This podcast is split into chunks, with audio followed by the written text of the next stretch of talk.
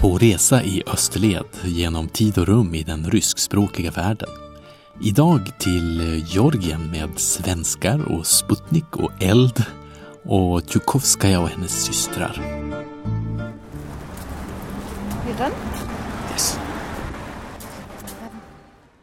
Det börjar på att ha varit väldigt länge sedan nu. I förra avsnittet så var jag i östra Georgien med en tysk kulturgeograf. Det var många månader sedan, sedan det senaste podcastavsnittet kom ut. Men eh, min resa i den ryskspråkiga världen fortsätter alltjämt, eh, uppehåller sig fortfarande i Kaukasus och jag och den här kulturgeografen från förra avsnittet, vi är tillbaka i den georgiska huvudstaden nu för att invänta mina Umeå-kamrater i en storslagen lägenhet i Saburtalo. Wow, guys. Awesome. Good morning. Det var först en smått galen idé att komma och hälsa på mig i Georgien, men den har nu blivit verklighet, så hit kommer alltså Peter och Alex raka vägen till Tbilisi, vårt välkomnande frukostbord där i Saburtalo. Oh,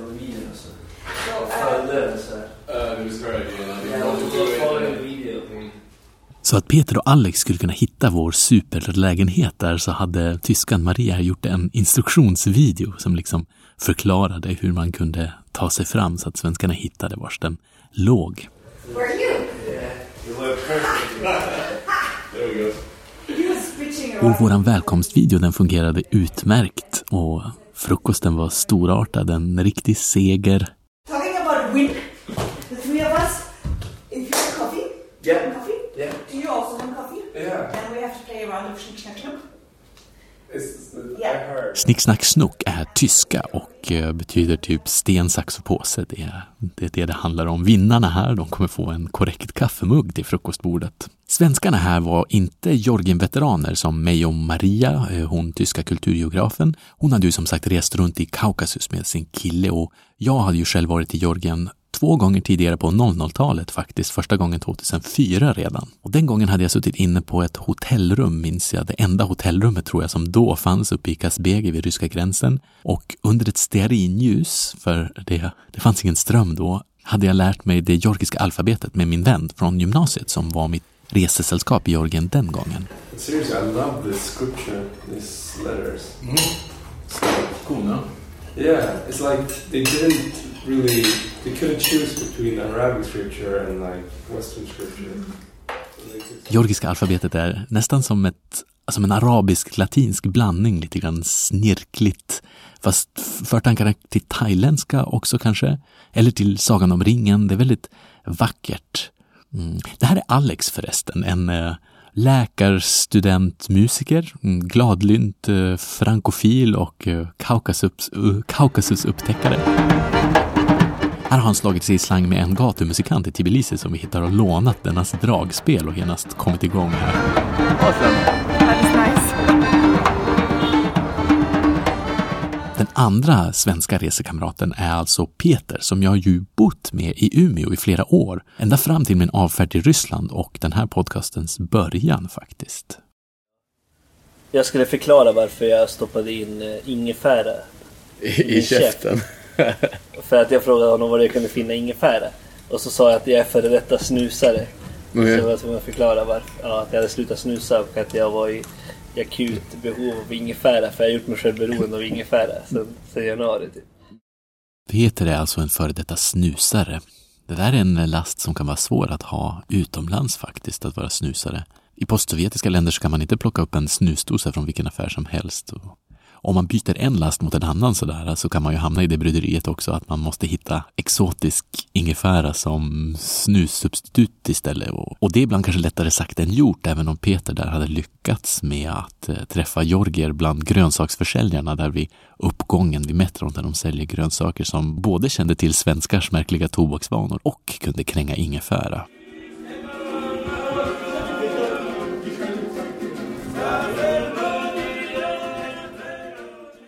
När jag reste i Kaukasus 2004 så var sista stoppet på den resan Baku i Azerbajdzjan. Och eh, där skulle hon som jag reste med eh, köpa ett backgammon-spel för att ha med sig hem som souvenir. Och då hittade vi ett ställe som sålde riktigt fina bräden med eh, handgjorda och i trä och så och hon började förhandla med eh, försäljaren där om priset. Och en av förhandlingsvarianterna för priset var att hon skulle spela med försäljaren. Om hon vann så skulle priset bli hennes, men om han vann så skulle hon betala honom hans pris. Om Kasparov hade sålt schackbräden så skulle han just föreslå en, en sån deal. Yeah, yeah, sure. In that situation, when you come from here, what do you, what is the most logical thing to do there? Like total opportunity? I Tbilisi däremot så var det Maria som axlade ansvaret att undervisa i det här spelets regler och sannolikhetsläran som är bakom som eh, behövs i, i backgammon en hel del faktiskt. Okej, cha cha cha. Vi var ute och festade vid den här kvartetten, jag, Peter, Alex och Maria. Chacha är förresten en georgisk sprit, typ som kaukasisk grappa som vi drack där, där vi var ute och festade för att svetsa samman resegänget med backgammon och sprit, helt enkelt. Det där låter lite nördigt kanske, men eh, vi vi är kanske ett gäng nördar ändå. Eh, om Men på ett bra sätt, liksom. Det är ju ett positivt ord. Tbilisi är annars känd för sin nattklubbscen och finns den smått legendariska nattklubben Basiani som ligger under fotbollsstadion. Men vi satt där istället på en veranda och shottade och snackade om sannolikhetslära istället. Ett eh, backgammonskt ämne. Går det bra? Har du stämt pianot eller? Alex hittade i alla fall ett gatupiano i det hipstrigaste av kvarteret på höjderna i Gamla stan. Ja, det är inte så stämt, men det behövs inte när Maria är i farten.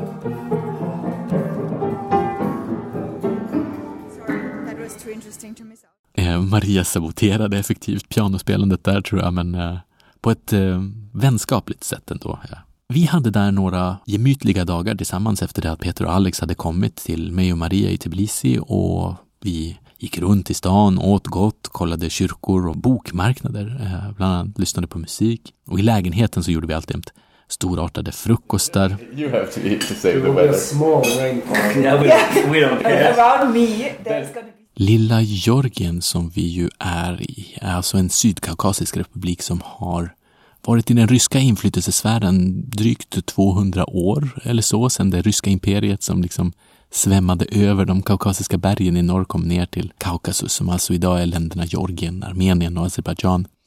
Här delar man ju det sovjetiska förflutna, men man har gått verkligt skilda vägar sedan 90-talet i de här olika länderna.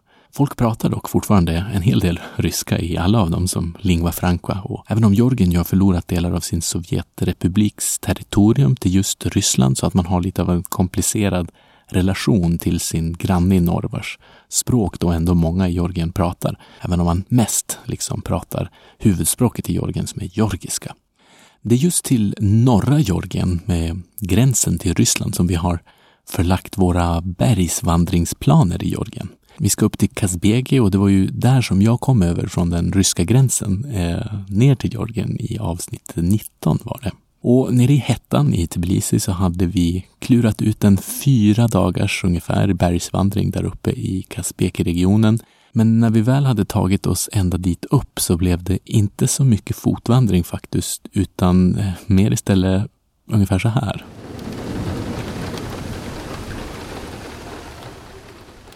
Totalt regn, den, den, den maximala nederbörden.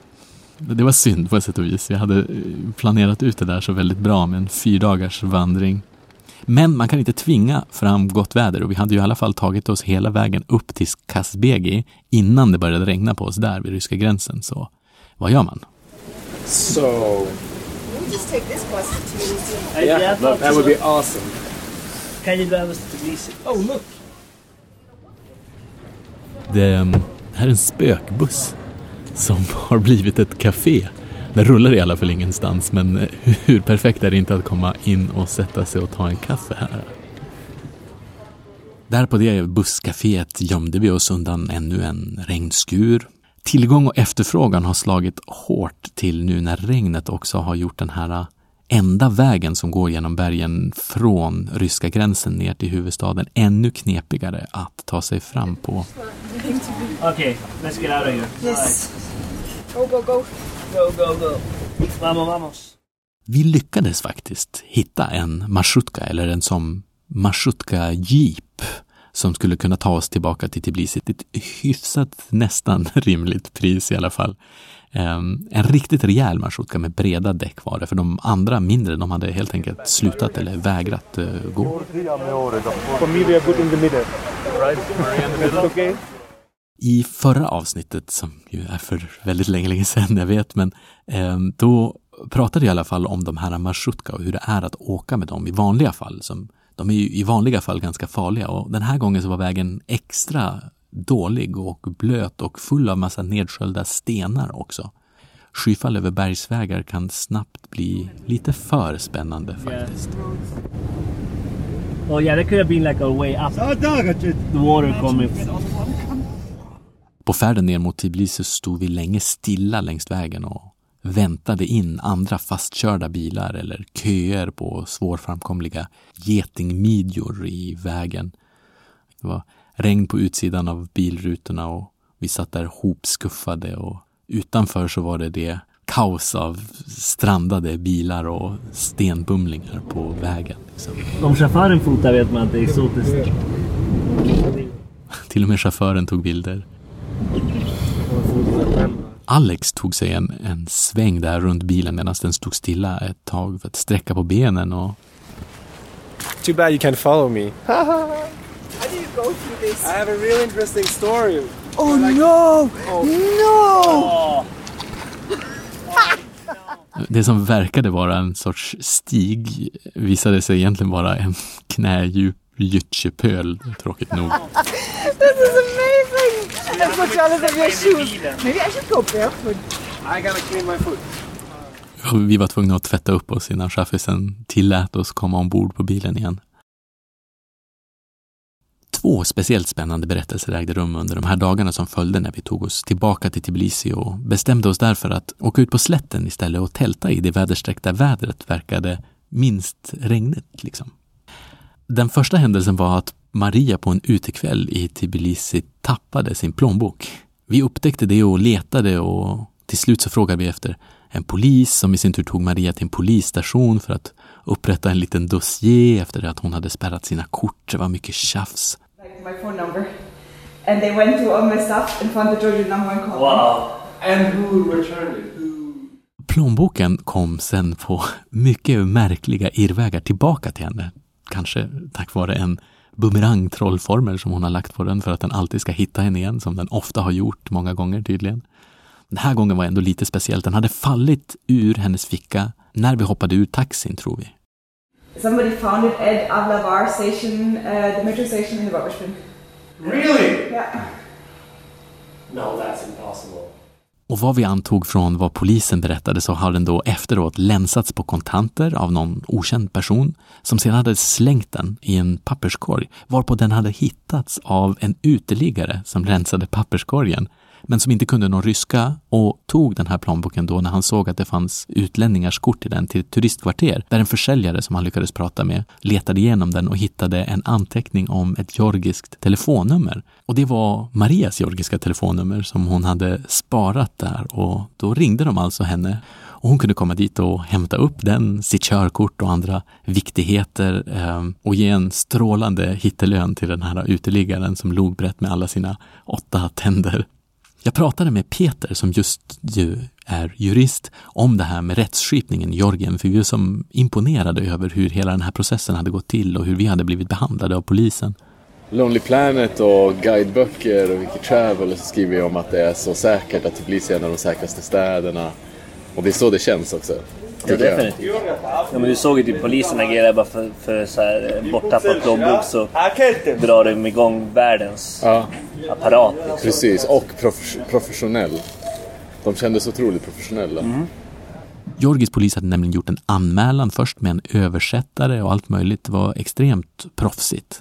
Och det ska inte vara nedlåtande att säga att det är proffsigt och att jag är förvånad över det, men ehm, förutom mina minnen från Georgien 2004 då allting inte var kanske fullt så stabilt som det är nu så är Georgien kanske baktalat också av sin stora granne i norr, av Ryssland vad det verkar. Så jag tänkte jag måste googla lite på brottsligheten i Georgien. Men det var lite svårt att hitta ordentliga siffror. Det känns som att hälften av all var ryska troll som skrev om hur farligt det var typ, Seriöst? i Georgien. Seriöst? Faktum är att den förut genomkorrupta poliskåren i Georgien har, har rensats upp under det senaste årtiondet, eller i alla fall den del som de visar upp för utlänningar, i alla fall i vårat fall. But yeah, uh, it's pretty amazing. Yeah. Oh my god. Let's celebrate! I see what you have there. You're recorded. I'm recording with my favorite wallet. You got your wallet back. Yeah. Oh my god. See, I told you it likes to come back to me.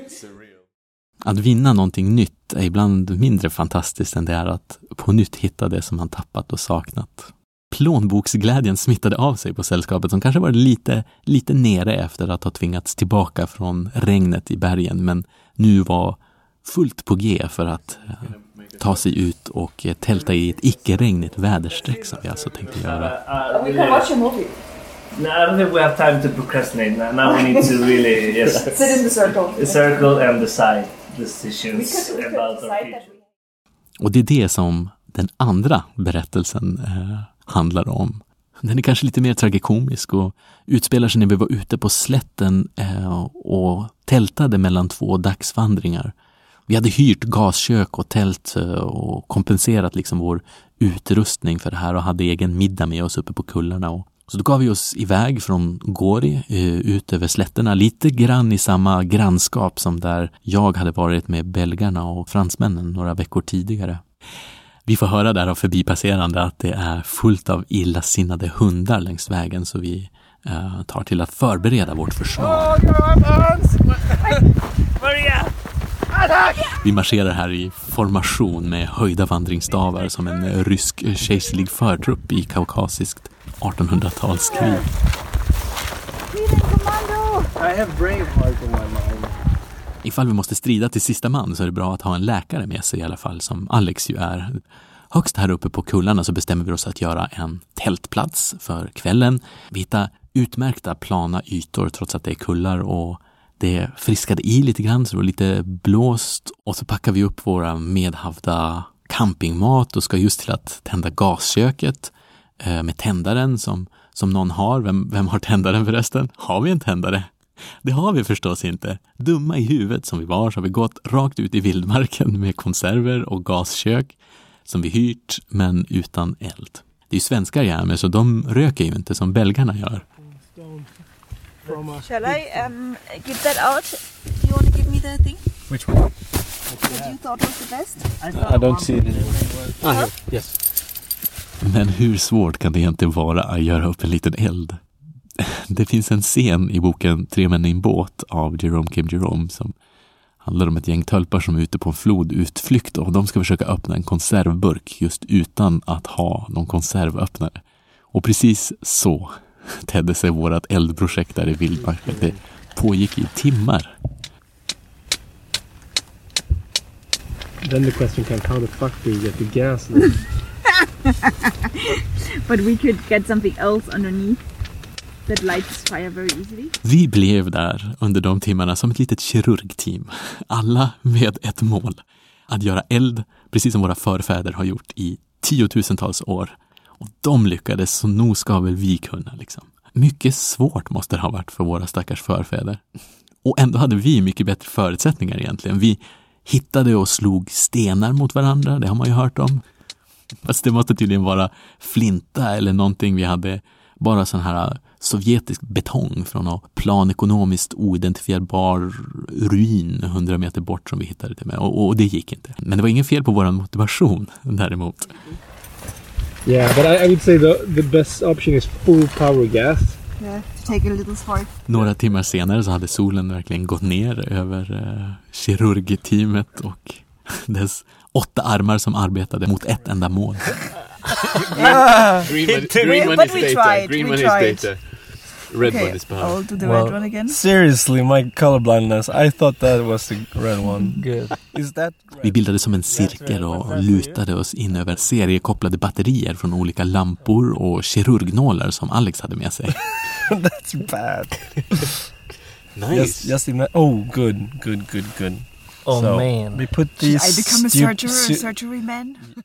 Efter ytterligare en halvtimme med det här batterispåret hade vi slitit fram Alex powerbank som han använde för att ladda telefonerna och så hade vi tjuvkopplat den med en söndersliten USB-kabel. Nu började vi bli allt mer desperata. Let's try. See what happens. We could, otherwise we could try the needle as well. Okay, now This is so much fun! the moment, the moment of truth. Vi krossade en glödlampa och försökte göra gnistor med glödtråden.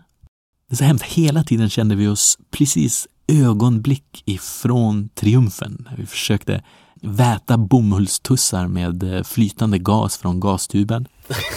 That looks awesome.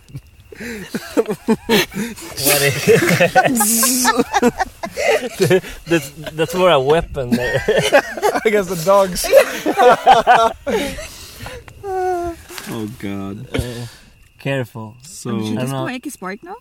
um, I Den powerbank-grejen verkade först så väldigt lovande. Jag hade först åstadkommit verkligen gnistor med den, men det var tydligen bara första gången. Sen var den helt död.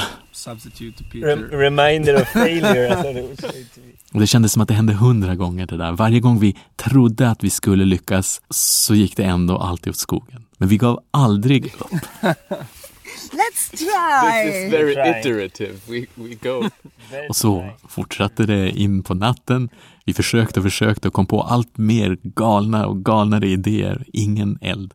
Vi hade så mycket teknik med oss. Mobiltelefoner hade vi och det, täckning fanns det ju till och med. De, de funkade fortfarande. Seriously, this phone is old. Yeah. Det var ironiskt nog G4-täckning. Vi kunde titta på alla möjliga överlevnadsvideor på Youtube för att försöka lära oss eh, hur det här funkade och runt om oss i rymden så susade satelliterna förbi i exosfären. Mänsklighetens tekniska framsteg kändes så otroligt nära men så väldigt långt borta i vår eldlöshet där. Och bland allt det där utan eld med satelliterna som skickar signaler till våra GPSer så, så tänkte jag en stilla tanke på Sputnik.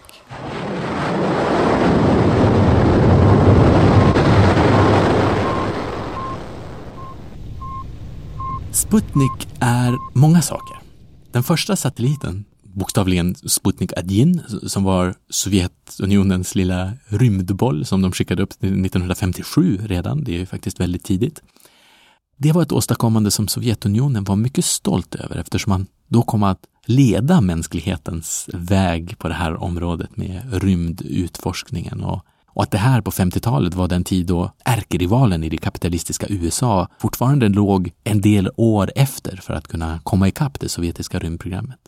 Och det var onekligen en väldig landvinning för mänskligheten, eh, landvinning i rymden. Men det ligger ett övervintrande självbekräftelsebehov kvar från den här tiden och den här eh, tanken om de två eh, konkurrerande ekonomiska och politiska systemen mellan kommunismen och eh, demokratiska marknadsekonomierna i väst. Det här självbekräftelsebehovet har någon slags glansdagsnostalgi eh, i hågen när man Tänk bara att Ryssland har valt att kalla sitt coronavaccin för Sputnik just. Parallellerna till det här att vara först och lyckas och komma före väst med landvinningar för mänskligheten talar sitt tydliga mediaspråk egentligen. Det här är en fantastisk parallell, jag har inte tänkt på förut. Sputnik betyder just satellit förresten, det är lite lustigt. En i omloppsbana medföljande kropp. Puch, ordet för väg, puch, finns dolt där i Sputnik. Det ger extra djup åt berättelsen i en ny rysk sci-fi-film som också heter Sputnik. Семирадов моя фамилия. Требуется ваша консультация. Зачем вы меня здесь можете объяснить? Den har jag just sett. Jag tänkte berätta kort om den trailern ifall ni vill kolla på den. Avslöjar något mindre i handlingen än det jag kommer beskriva här, men det är fortfarande inga spoilers som det heter för den som eh, fortfarande vill se filmen och känna sig överraskad. Jag, jag rekommenderar att se den faktiskt. Jag tyckte den var riktigt bra. Den utspelar sig nämligen under Sovjetunionens sista årtionde lite grann. Miljöerna är perfekta i det här. Den, den sovjetiska byråkratin är helt närvarande. Eh, Det finns en sovjetisk eh, tematik med att tämja och omforma människan och patriotiska uppoffringar och byråkratiskt sidospel med korruption och dolda politiska agendor som omger den här berättelsen som i sig är fascinerande, huvudberättelsen som är handlingen om två återvändande kosmonauter som eh, råkat föra med sig en utomjording i sig som bor inuti en av kosmonauterna, men som kommer ut ur honom eh, på kvällen för att leva rövare under allt längre och längre episoder utanför det här mänskliga värddjuret som har tagit honom tillbaks till jorden eh, och som han sen hoppar tillbaka in i och tar sin tillflykt eh, till för att liksom leva bland oss lite i, i hemlighet. En ganska spacad historia. Och utomjordingen och värdmänniskan de börjar liksom dela sina tankar och sitt psyke och den sorts speciell relation som de får, någon form av telepatisk eh, kontakt, precis som huvudpersonen i Alien-filmerna. Eh, samtidigt finns det något så här bulgakovskt som i en hunds hjärta över förvandlingsfasen och att eh, en varelse kan bli eh, gradvis en annan och kanske delvis med eller eh, på grund av statens vetenskapliga experiment kring det här med att utforska människans natur och tämja den. Men Sputnik så blir det här mer handfast. Det är en, en, en skräck sci-fi thriller eh, typ, kanske genremässigt, som borde stå på samma hylla som Dark eh, och Stranger Things fast med en, en mörk sovjetisk 80-tals estetik och med de här patologiskt lögnaktiga sovjetiska institutionerna i bakgrunden till det här rymddramat. Och eftersom det är en samtida rysk film det här, det är inte någon klassiker utan det är en ganska ny film så finns det lite av dagens Ryssland också med en familjeberättelse som är smidigt invävd i det här äh, dramat och lite religiösa tanketrådar och, och coola äh, 3D-effekter och sånt som inte hade kunnat göras som filmen var gjord liksom på, på Stalkers tid oavsett de här äh, slavofila aspekterna som gör det till en extra glädje att se den här filmen så var det en helt lyckad eh, sci-fi-film. Så om man bara vill se Sputnik heter den alltså, eh, bra sci-fi på ryska, så kan man kolla in den bara för det. Vad gäller själva satelliten Sputnik, satelliten satelliten satelliten alltså eftersom Sputnik ju betyder satellit, det där är lite konstigt. Den sköts i alla fall upp 1957 från ett ställe i Kazakstan som heter Baikonur Kosmodrom. Det är värt ett tanke nu när det är stökigt i Kazakstan och Kazakstan är liksom på tal i media. Där i Kazakstan så sköt Sovjetunionen upp sina kosmonauter nämligen. Och där skjuter Ryssland fortfarande upp både folk och diverse rymdskrot eh, i atmosfären. För Baikonur det förblir en ryskkontrollerad enklav djupt inne i Kazakstan. I själva verket så hyr Ryssland den här delen av Kazakstan och det är tydligen dyrt och lite förtörnande också kanske för Ryssland som har delvis den här självbilden om glansdagar då de ju styrde överallt i Sovjetimperiet en stor rysk attityd som står med ena foten i sovjetisk imperialism eh, gentemot omkringliggande satellitstater eh, just i um, ehm, nå eh, den synen i alla fall på ryska fornstora dagar som gör att man inte gärna ser att någonting som förut gjorde oss ryssar stora och viktiga nu ligger i någon annanstans eller har blivit eh, marginaliserat på något sätt. För det skulle rimma illa med den här nutida nyväckta självbilden om ett på nytt storslaget Ryssland. Och från då det här stället i Kazakstan, Baikonur, så sköt man ju upp Sputnik då på den tiden som Baikonur låg i Sovjetunionen.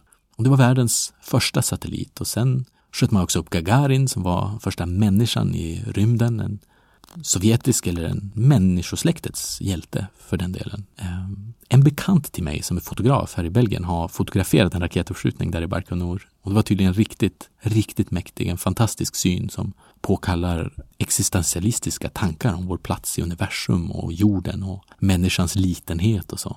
Samma litenhet förresten kan man tänka sig som vi kände där under himlen eh, med de susande satelliterna ovanför oss när vi försökte göra eld. Vi ska tillbaka till oss där ute på slätten. So, hmm. okay. we should have more of these connected and then yes. Yeah. You want to do the tape business again? Efter många timmars tappra försök så hade vi till slut gett upp försöken där att göra eld. Maten hade vi med oss i alla fall så det gick ingen nöd på oss direkt på det sättet. Märk väl att vi aldrig började bråka trots alla nederlag där. Vår eh, attityd var att försöka lösa det här eldproblemet tillsammans och ha så kul som möjligt under tiden vi gjorde det och trots omständigheterna. Kira. To an unsuccessful um, adventure. Yeah, we almost succeeded. Cheers. no, Cheers. Cheers. to almost success. Cheers. Almost, almost success. success. Vår attityd var snarare att skratta åt undergången som vi gör mest hela tiden. Det är härligt att lyssna till de här inspelningarna i efterhand och så här i efterhand så är det kul att vi redan då kunde skratta åt det komiska och absurda i den här situationen att vara utan eld. Och att vi kunde göra det också medan vi var mitt uppe i det, för det var ju egentligen ganska hemskt och tragikomiskt. Det skulle annars ha varit något som man bara kanske kunde skratta åt efteråt, men så var det inte för oss där och då. Why do you have cheese? I kind of look at. Resesällskapet var alltså bättre än vår eldlöshet var nedslående, så vi trängde ihop oss där i Alex tält och åt vår middag kall. Take the fucking bread. That's horrible. Just take it.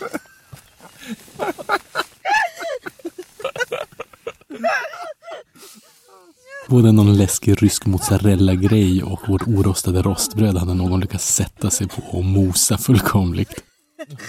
Ah, shit.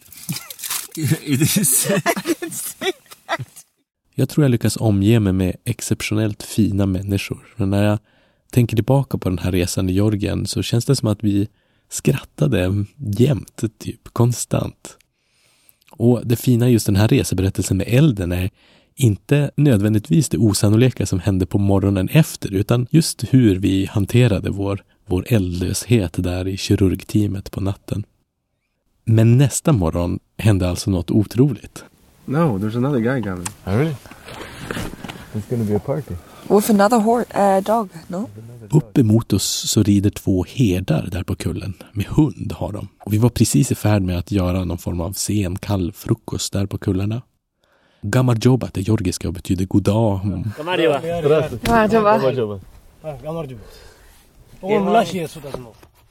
Mycket förblir ändå lost in translation trots våra rudimentära kunskaper i det här mellanfolkliga världsspråket som ryskan är. Med eh, kakvam zavut så frågar man vad folk heter på världsspråket. Kakvam zavut? Nudar! Nudar? Nudar. Ja, jag är Josef. Josef. Maria. Maria. Peter. Alex. Счастливого. Men vi är inte dummare än att vi kan vissa ord på alla varandras språk, trots allt. Хорошо, хорошо. Хорошо. Good, good. Good, good. Kargi, kargi. De var verkligt genomtrevliga och vi gjorde så gott vi kunde för att förstå varandra där. Blumen. Pavili. Good. Reli. Blumen. Pavil. Och det här ordet betyder tydligen blommor på georgiska. Alltså tsveti på världsspråket. Det är modersmålstalaren Maria här som kvittrar. Hur eh, hedarna lärde sig på tyska får jag nog aldrig veta. Men att de lärt sig just blomma känns helt magiskt. Vilket naturligt ord för en herde att lära sig som första ord på tyska. Om man vill tala till folks förnuft ska man prata engelska, men om man vill prata till deras hjärtan så måste man prata på deras modersmål som Desmond Tutu sa. Hedarna bjöd i alla fall få hemgjort vin och vi gav dem några konserver som vi inte hade öppnat kvällen innan och de blev som glada över dem för de hade bara några rotfrukter med sig som lunch. Och här är grejen med hedar och det här hade vi fattat egentligen redan innan och när vi såg dem komma på avstånd. Men eh, de hade den torraste, konstigaste tobaken som de hade rullat i var som verkade som en blandning mellan toapapper och tidningspapper. Och eh, när de kom ridande i bästa cowboystil så hade de varsin cigg i mungipan. Och inget röka utan eld. Och efter att vi har kunnat visa våra tjuvkopplingar från kvällen innan och hoptejpade batterier och kirurgnålar för vilket de blev bara mer och mer förvånade när vi drog upp olika attiraljer och förklarade att vi hade försökt göra eld i timmar så ordnades det snabbt med en rullad fredssig i deras toapapper där och deras lilla tändare presenterades till oss snabbt som en padark, en, en gåva. Det var helt otroligt. Should we keep it? Ah, no. Aram. Med hedarnas tändare så kunde vi sen till sist få igång gasköket och göra morgonkaffe åt alla. Och sen föreslog hedern som var lite på lyset efter medhaft vin, som förmodligen var hemmagjort, att eh, vi skulle testa rida hans helveteshäst. Vilken oerhört korkad idé som bara gruppens sämsta ryttare och minst konsekvent tänkande medlem Maria eh, hoppade av glädje åt mitt i vildmarken där långt från sjukhus och och dessutom hade vi ju omsorgsfullt förstört nästan hela vårt reseapotek kvällen innan. Men eh, nåväl, det gick egentligen mycket bättre när hon red än borta i östra Georgien när jag och hon red tillsammans på en annan helveteshäst. Eh, och reseapoteket behövdes inte. Tack och lov, hästen kanske hade något bisarrt överseende med vad den kände igen som varandes en riktigt korkad ryttare. Vi hade en halv dagsvandring kvar efter vår sena frukost där och kom att kämpa mot spindlar och bäckar och utrustade med lite av hedarnas vatten i våra ränslar och en hel del av hedarnas vin i blodet så fortsatte vi dagen i, med fullkomligt utmärkt humör.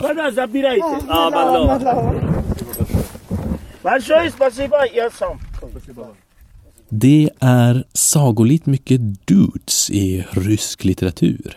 När man har läst igenom typ de 20 första ryska klassikerna så har man sett storartade kvinnor, visserligen, som Madame Odintsova och Anna Arkadjevna och oförglömliga kvinnor som Tatjana i Onegin. Men de är ju alla karaktärer och inte författare.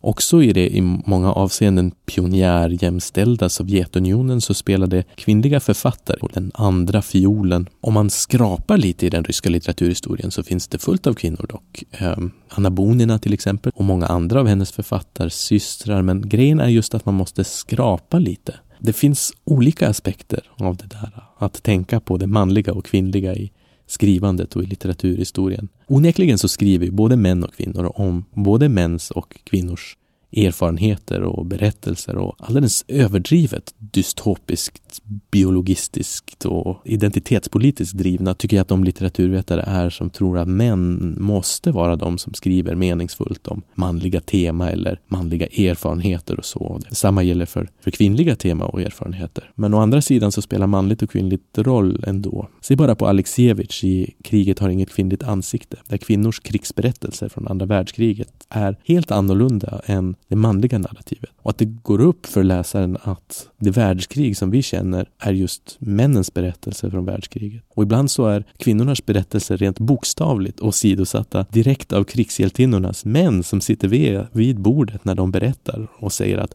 nej men gud, berätta inte om de där hemskheterna. Berätta, berätta om hur vi vann kriget och räddade Europa istället.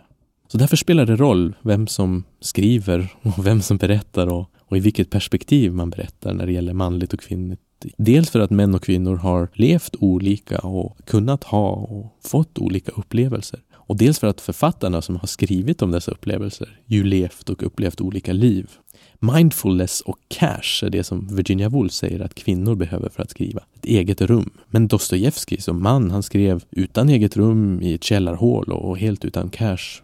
Det är olika förutsättningar om något. På 1700 och 1800-talet så var kvinnorna som skrev i regel rika, men den här självständigheten som Virginia Woolf pratar om kring kvinnliga författare hade kanske fler av männen gratis rent av, eller lättare tillgängligt i alla fall. I alla fall den utbildade klassen. Anna Bonina som jag pratade om förut var ju typ som det var för Leo Tolstojs fru Sofia eller hans barnbarn Tatjana som båda var författare. Och Mandelstams fru som jag har nämnt tidigare någon gång. Um, hon skrev ju också, skrev ju dessutom om sin man. Men det var kanske bättre förutsättningar att kunna skriva om ens man redan var skriftställare. Bara det är en erfarenhet som manliga författare inte hade. Och så finns det den aspekten att kvinnligt skrivande lästs och läst åt sidan av en manlig publik som kanske tänkt sig att allt det som befläckats av det kvinnliga, som till exempel att vara skrivet av en kvinna eller om kvinnor, att det var lite mindre viktigt eller lite mindre intressant. Och därmed så har det blivit så att ryska klassiska kanon eller, eller kanon i litteraturhistorien i övrigt liksom utformats av ett snedvidet manligt läsande öga. Och det är inte lätt att veta vilken av de här krafterna som är starkare och vad det egentligen är som har format litteraturhistorien eller det som man just skriver, hur mycket och, och mest. I statistiken så kan man väga olika sådana där påverkansfaktorer genom olika modeller. Om man gör en sån där multivariat regressionsanalys som det heter så är det inte så lätt att kunna komma underfund med vad som påverkar litteraturkanot mest. Är det att mäns och kvinnors berättelser och erfarenheter kan vara olika? Eller är det att kanon har utformats av manliga preferenser i läsandet som skrivit fram det manliga berättandet? Eller är det, är det olika förutsättningar mellan författare och författerskor som har präglat det här? Eller allihopa? Vilket, vilket har spelat in mest? Liksom? Och bör man parera det här som läsare? Kan, kanske. Eh, jag vet inte. Jag har knappast gjort det, inte speciellt medvetet i alla fall. Alexievits perspektiv tilltalar mig väldigt mycket rent personligt, men fastän hon kanske är den, den författare som jag har pratat om och refererat till mest i den här podcasten så tror jag att podcastens litteraturlista liksom i övrigt speglar en ganska manlig genomläsning av den ryska litteraturen vars kvinnor jag faktiskt bara läst en handfull av. Så låt oss se nu vad jag har i min läslista. Jag har läst Alexandra Kollontaj som är en revolutionär ideolog och som försökte skriva ihop feminismen och kommunismen typ på 1900-talets början. Och där är något speciellt superintressant i sig. Den sovjetiska feminismen är ett fantastiskt ämne. Som i arbetarrörelserna i övrigt i Europa i början av 1900-talet så var kvinnokamp alltid liksom underordnade det, det verkligt heliga i klasskampen. Och i det här kommunistiska sammanhanget så är Kollontaj lite som en första och andra vågens feminist samtidigt och försöker uppgradera kvinnor till att vara en del av mänskligheten så som deras samtida kommunistiska ideologer såg den. Alltså med en historisk revolutionär uppgift framför sig och en väldig kamp, men en kamp som utkämpades av människan utan att kvinnor egentligen räknades in i de manliga kommunisternas definition av den här mänskligheten som skulle göra revolution mot det gamla och det borgerliga. Och det var det som hon ville förändra, Kollontaj, alltså i sitt skrivande. Där kommunisterna tänkte sig en ny värld och en ny människa, men ofta glömde kvinnor så tänkte sig Kollontaj en ny kvinna också som kastar av sig ett borgerligt ok av sex sexualmoral och förtryck för att vara med att uppfölja sin historiska och kommunistiska plikt som människa. När jag var barn så hade mina föräldrar polska vänner som skrattandes pratade om landet med de kvinnliga traktorförarna. Och då var det Sovjetunionen som de menade. Och det var ju så då att klasskamp och revolution, och, eller patriotism och industriproduktion rent av var helt överordnade mål där i Sovjetunionen. Men det fanns samtidigt också en jämställdhetstanke som också slog igenom eh, på riktigt och verkligen gjorde Sovjetunionen till kanske de kvinnliga traktorförarnas land på något sätt. I Tadzjikistan och på andra håll i forna Sovjetunionen har jag i alla fall själv sett sånt genomslag när jag åkt på kvinnliga ingenjörers vägar som går till byar på landsbygden där ingenjörernas mödrar bar burka generationen innan de kunde åka och utbilda sig på universitetet.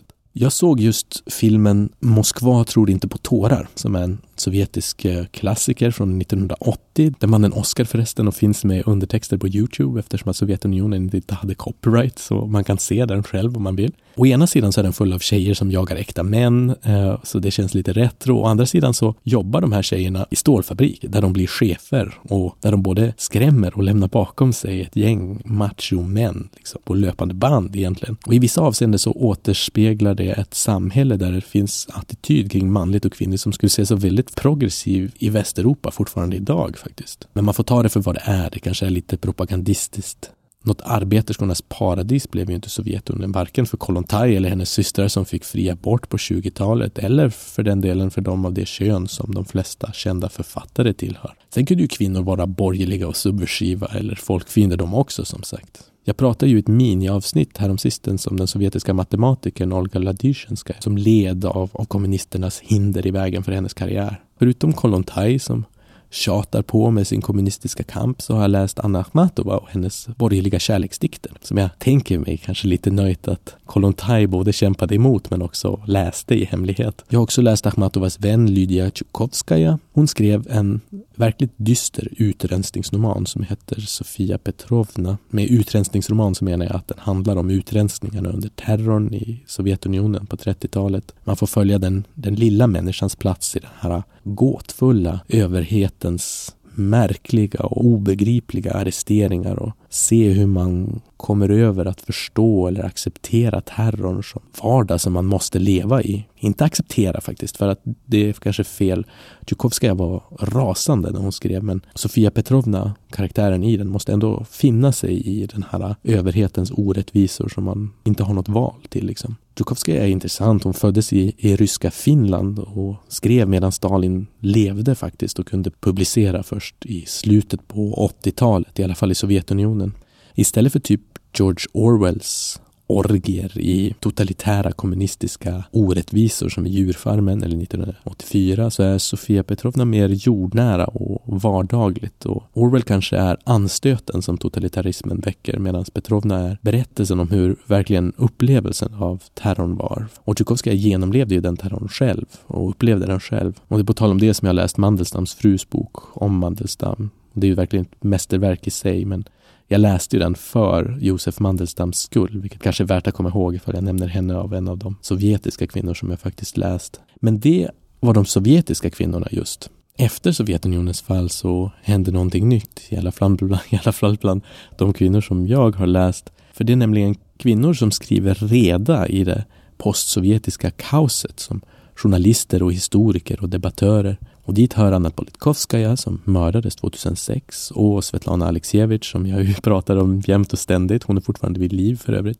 Och de ägnar sig åt att förstå eh, den här nya postsovjetismens tid och hur den övergår i nya förtryck. Som gemensam nämnare är de också kritiska till allt illiberalt som skiljer Ryssland från västerländska demokratier och de är liksom intresserade av att förstå de historiska banden till dagens ofriheter i Ryssland. På min senaste resa i Sverige så blev jag tipsad om Marsha Gessen som fortfarande är vid liv. Hon uppgår helt och fullt i den här gruppen av kvinnor som skriver reda i den postsovjetiska ryskspråkiga världen och i talande stund, faktiskt just nu, så håller jag på och läser hennes bok om att överleva envälde. Det känns som att det ligger väldigt i tiden. Jag känner mig väldigt i tiden. Jag spelar in det här söndagen den 23 januari 2022. Så det är alltså före det möjligen kommande kriget i Ukraina.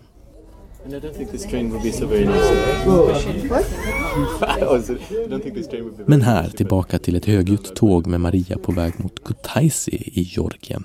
Slutet på våran georgiska kvartett var det där.